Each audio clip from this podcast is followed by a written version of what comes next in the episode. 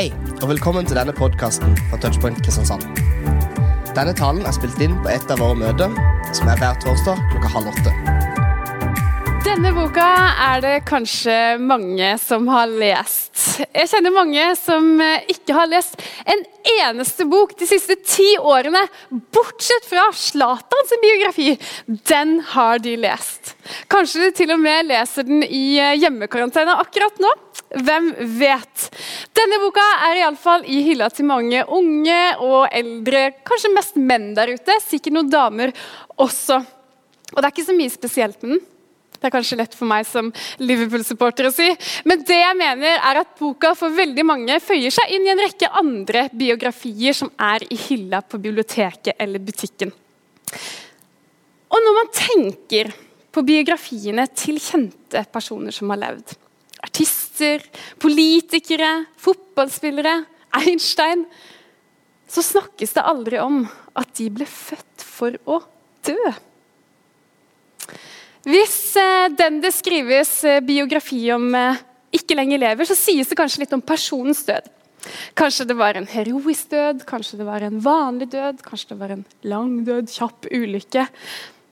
Men aldri snakkes det om noen som ble født for å dø. Det er sant for Mohammed og det er sant for Buddha. Og Det er skrevet en del om deres sted, men det står aldri at de ble født for å dø. Wow, Hanna, det var en litt og endring i tematikk, tenker du kanskje. Men det har en sammenheng med det vi skal snakke om her i kveld. For det er nemlig derfor de fire første bøkene, evangeliene, i Det nye testamentet er så vanskelige å bestemme sjangermessig. Er det tragedie? Men Jesus står jo opp fra døden. Er det komedie? Mm, ja. Er det biografi? Det er kanskje det som eh, er det nærmeste man kommer når man ser det i lys av andre biografier som er skrevet på den tiden. Men det er liksom en annen art, på en måte.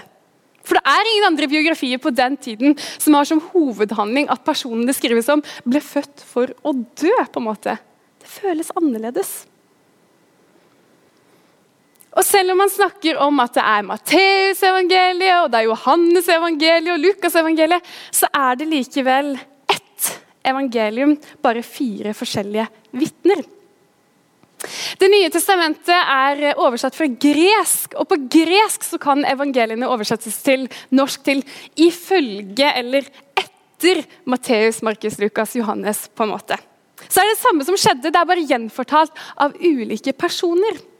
Bare senere begynte folk å snakke om Lukas sitt evangelium eller Johannes sitt evangelium. Og alle bøkene har samme handlingsskildring. Og bøkene munner ut i Jesu død og oppstandelse. Og Tidlig i mange av evangeliene så sier Jesus noe om at han skal dø, og hvordan han skal dø. I Matteus 16, etter at Peter har proklamert at Jesus er Guds Messias, han som de har venta på i mange år, så sier Jesus ja, det er meg, men jeg skal snart korsfestes og dø. Og disiplene sier kom an, Jesus, selvfølgelig skal du ikke det. Du kan gjøre mirakler. De kommer ikke til å kunne ta deg. Men Jesus insisterer. Og Sånn er det i alle evangeliene. Jesus snakker om at han skal dø.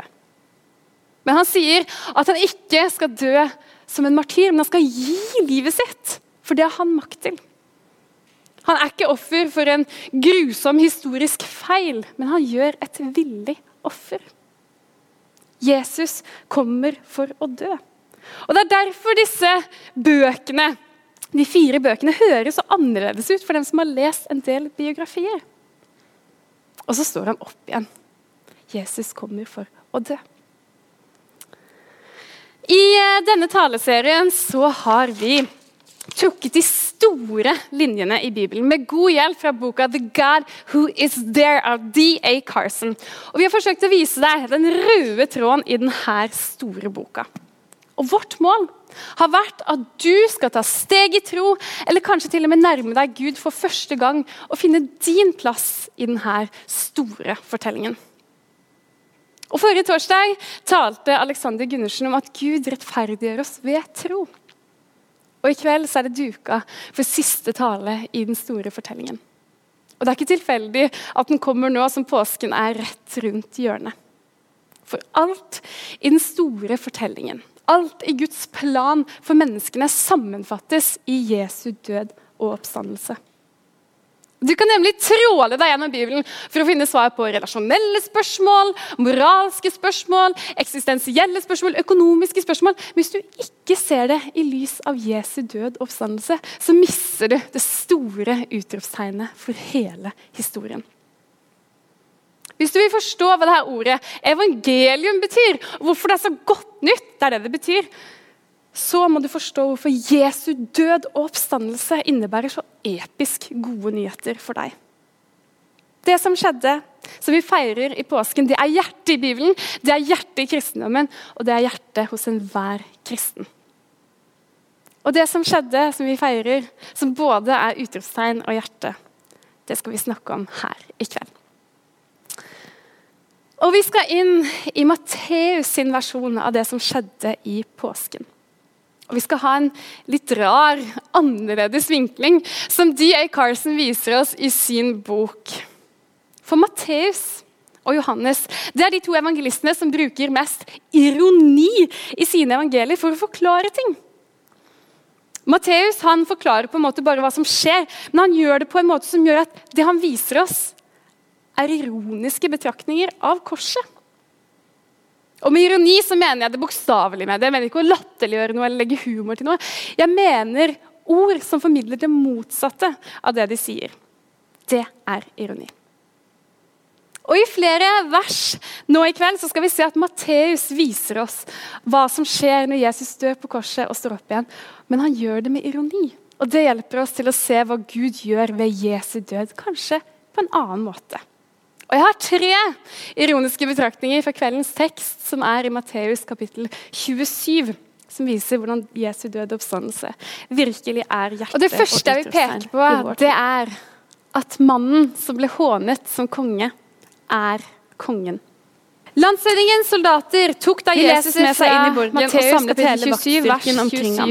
De kledde av ham og hengte en skarlagenrød soldatkappe på ham, flettet en krone av torner og satte den på hodet hans og ga han en stokk i høyre hånd. De falt på kne foran ham, hånte ham og sa, 'Vær hilset, du jødenes konge.' Og de spyttet på ham, tok stokken og slo ham i hodet. Da de hadde hånt ham, tok de av ham kappen og kledde ham i hans egne klær. Jesus har allerede blitt mishandla flere ganger, som eh, var prosedyren når noen ble korsfesta. Men det som skjer her, er ikke standard prosedyre.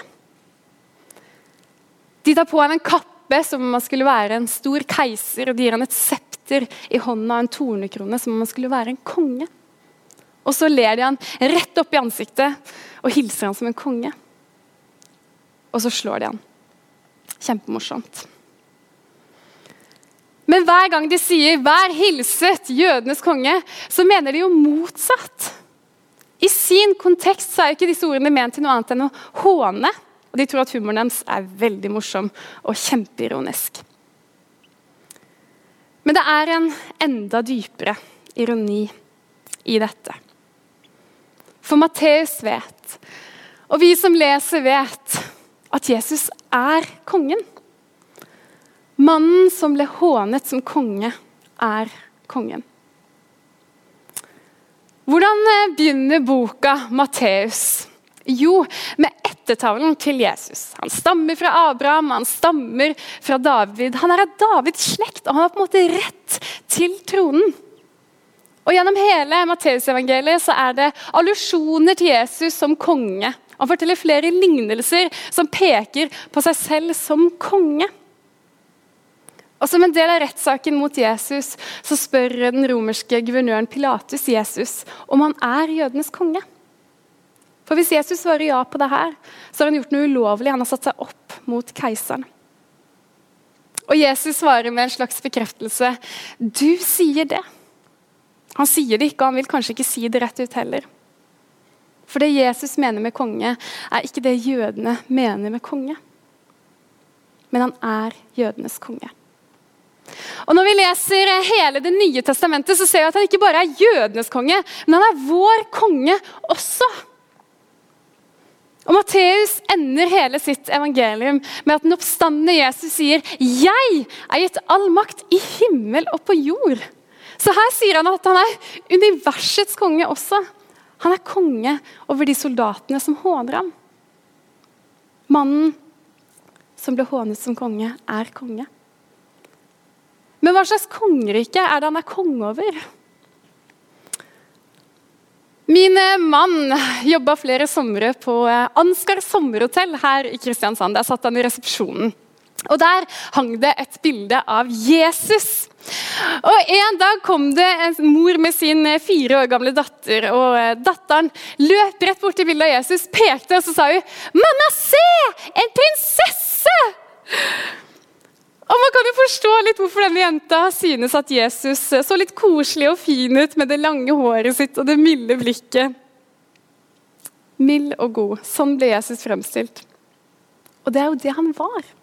Mild og god. Og det er en sånn konge han er. Og det står i stor kontrast til konger som har vært opp gjennom historien, og hva man har forbundet med en konge. Og I Matteus kapittel 20 sier Jesus noe til sine disipler om hva slags konge han er, og hva slags kongerike han er konge over. Og Vi leser at Jesus sier Han kalte dem til seg og sa Dere vet at folkenes fyrster undertrykker dem, og stormennene deres styrer med hard hånd. Men slik skal det ikke være blant dere. Den som vil bli stor blant dere, skal være tjeneren deres, og den som vil være først blant dere, skal være slaven deres. Slik er heller ikke menneskesønnen kommet for å la seg tjene, men for selv å tjene og gi sitt liv som løsepenge for mange. I eh, denne verden, når vi får autoritet, så begynner vi å bestemme over folk, og vi tenker at det er vår hovedoppgave. Men Jesus er den Gud som er der, og som elsker fordi at han er en sånn Gud. Og han kom for å gi sitt liv som løsepenge for mange. Og det sto nok stikk i strid til hva hans disipler så for seg at det kom til å være, og hva folk flest forbandt med en konges jobb. En tjenende konge som elsker. Det er et sånn kongerike han har, og som han oppfordrer oss til å være en del av. Mannen som ble hånet som konge, er kongen. Og eh, mannen som er fullstendig maktesløs, er mektig. Og Vi leser videre fra Matteus kapittel 27, vers 32 40. På veien ut møtte de en mann fra Kirene ved navn Simon. Han tvang de til å bære korset hans. Da de kom til et sted som het Golgata, det betyr hodeskallen, ga de ham vin blandet med galle men da han smakte på den, ville han ikke drikke. Så korsfestet de ham, og de delte klærne hans mellom seg ved å kaste lodd om dem. Siden ble de sittende der og holde vakt over ham. Over hodet hans hadde de satt opp en innskrift med anklagen mot ham. Dette er Jesus, jødenes konge. Sammen med ham ble også to røvere korsfestet, én på høyre og én på venstre side. De som gikk forbi, ristet på hodet og spottet ham. Dette er et grusomt bilde på svakhet. Først ble du slått, og så ble du tvunget til å bære en del av korset ditt til det stedet der hvor du skulle henrettes. Og så ble du spikra eller bundet til korset. Og så hang du der, ofte naken. Og det var både skamfullt og forferdelig smertefullt. Og Jesus er på dette tidspunktet så maktesløs som du kan se for deg. Det er ikke noe vei ut, ikke noe håp. Og så er han så svak fra julingen som han fikk før han skulle bli korsfesta, at han ikke klarer å bære korset sitt til Golgata.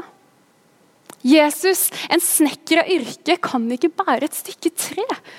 Så de må finne noen til å hjelpe ham. Og så fortsetter mobbingen, og vi leser fra vers 40. Du som river ned tempelet og bygger det opp igjen på tre dager.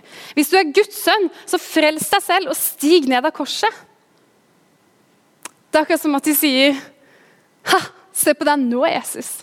Ikke så stor i munnen nå lenger. Vi vet at det tar tid å bygge noe. Hvis du eh, er med på Extreme Makeover Home Edition, så kan du kanskje med de rette ferdigmodulene og nok eh, håndverkere klare å sette opp et hus på en snau uke. Men før i tiden så var det jo ikke sånn. Og eh, de fleste av de store arkitektene som står bak de kjempestore katedralene og kvartalene her i Europa som er så kjente, fikk se ferdigstillelsen av dem i sin levetid.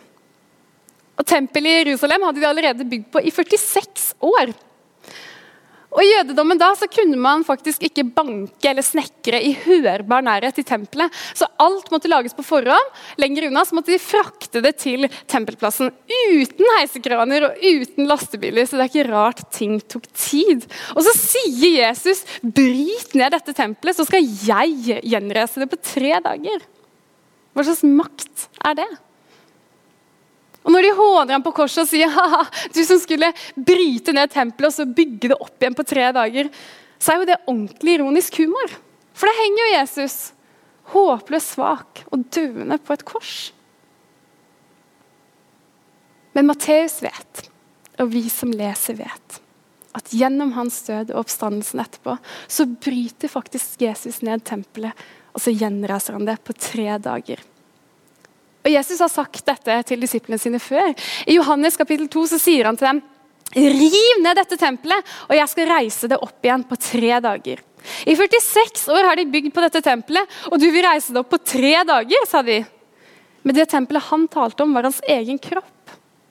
Og så står det om disiplene hans at Da han var stått opp fra de døde, husket disiplene hans at han hadde sagt dette. Og de trodde Skriften og det ordet Jesus hadde sagt. I denne taleserien har vi brukt tid i Det gamle testamentet. Og Der har vi sett at uh, tempelet var det store møtestedet mellom Gud og mennesker. Det var stedet der det ble ofra. Og nå kommer Jesus og snakker om sin egen kropp som tempelet som skal ødelegges. Og så skal han gjenreise det på tre dager. Gjennom at hans liv blir endt, og så hans oppstandelse, så blir Jesus det store møtestedet mellom Gud og mennesker. Han blir det store tempelet, med makt som reiser opp fra de døde. Det store møtestedet mellom Gud og mennesker er ikke et system i Jerusalem hvor man måtte ofre noe, eller andre plasser i verden. for den saks skyld. Det er Jesus.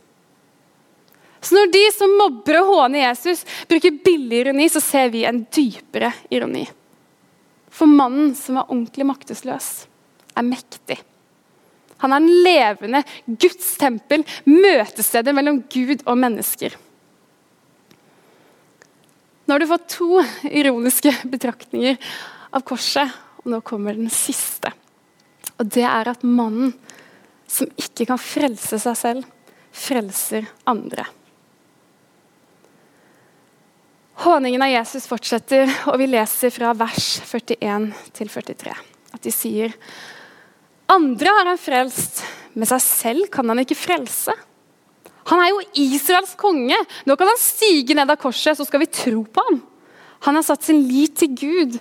La Gud redde ham nå om han har ham kjær. Han har jo sagt 'Jeg er Guds sønn'. Hva mener vi med verbet 'å frelse'? Hva betyr det her i Matteusevangeliet? Bare noen kapitler tidligere så kan vi lese om Josef som blir fortalt av en engel at Maria er gravid. Og Så sier engelen at de må kalle sønnen for Jesus, for det betyr 'Herren frelser'. Fordi han skal frelse sitt folk fra deres synder. Så frelse betyr å bli frelst eller redda fra synd, fra skyld, fra konsekvensen av synd og dens evige virkning og effekten og makten har på oss her og nå. Det er derfor Jesus kom.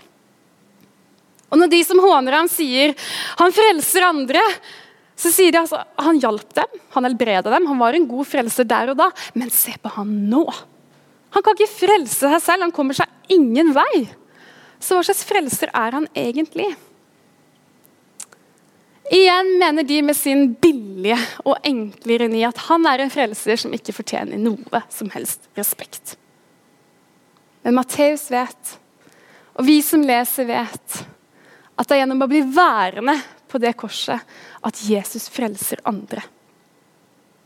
Når de sier at Jesus bare kan gå ned fra korset, eller at Gud kan hjelpe ham ned, så er jo sikkert det mulig. Men hvis Jesus hadde gjort det, så hadde han ikke kunnet frelse oss. Hvis han faktisk frelser seg selv, så er jeg fortapt. Det er gjennom å ikke frelse seg selv at han frelser meg.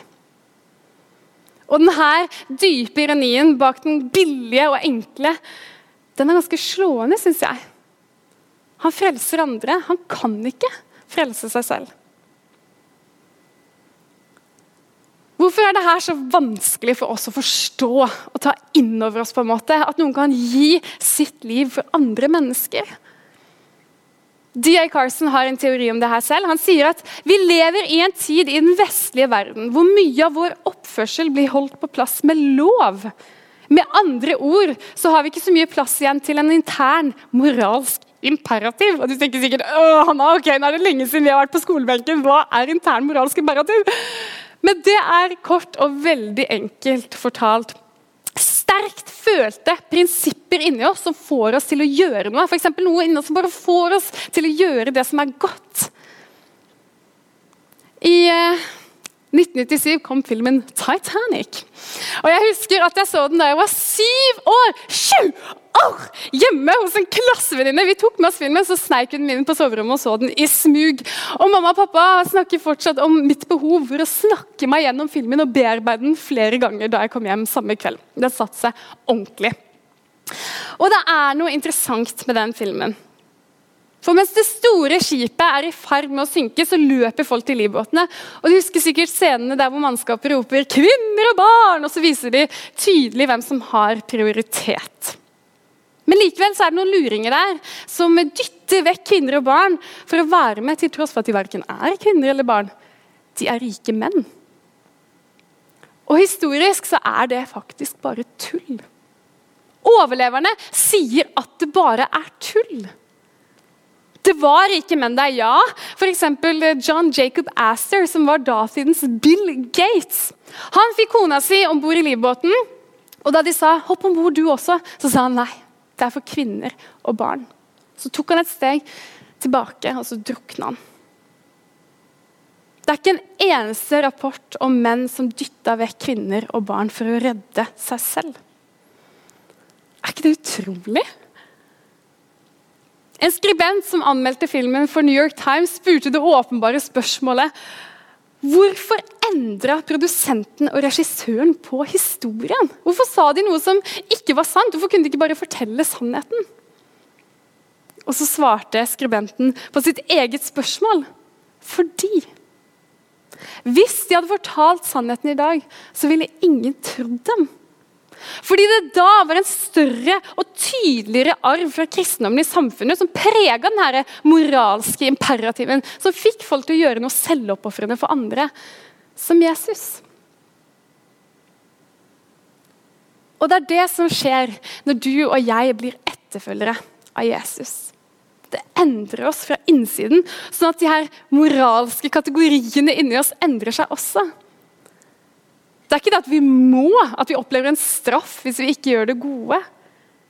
Det er det at vi vil. Det har skjedd en endring i hjertene våre. Vi avspeiler Jesus. Kanskje en noen ganger litt blek og stusslig avspeiling, men det har skjedd en endring i oss. Så eh, mannen som ble hånet som konge, er kongen.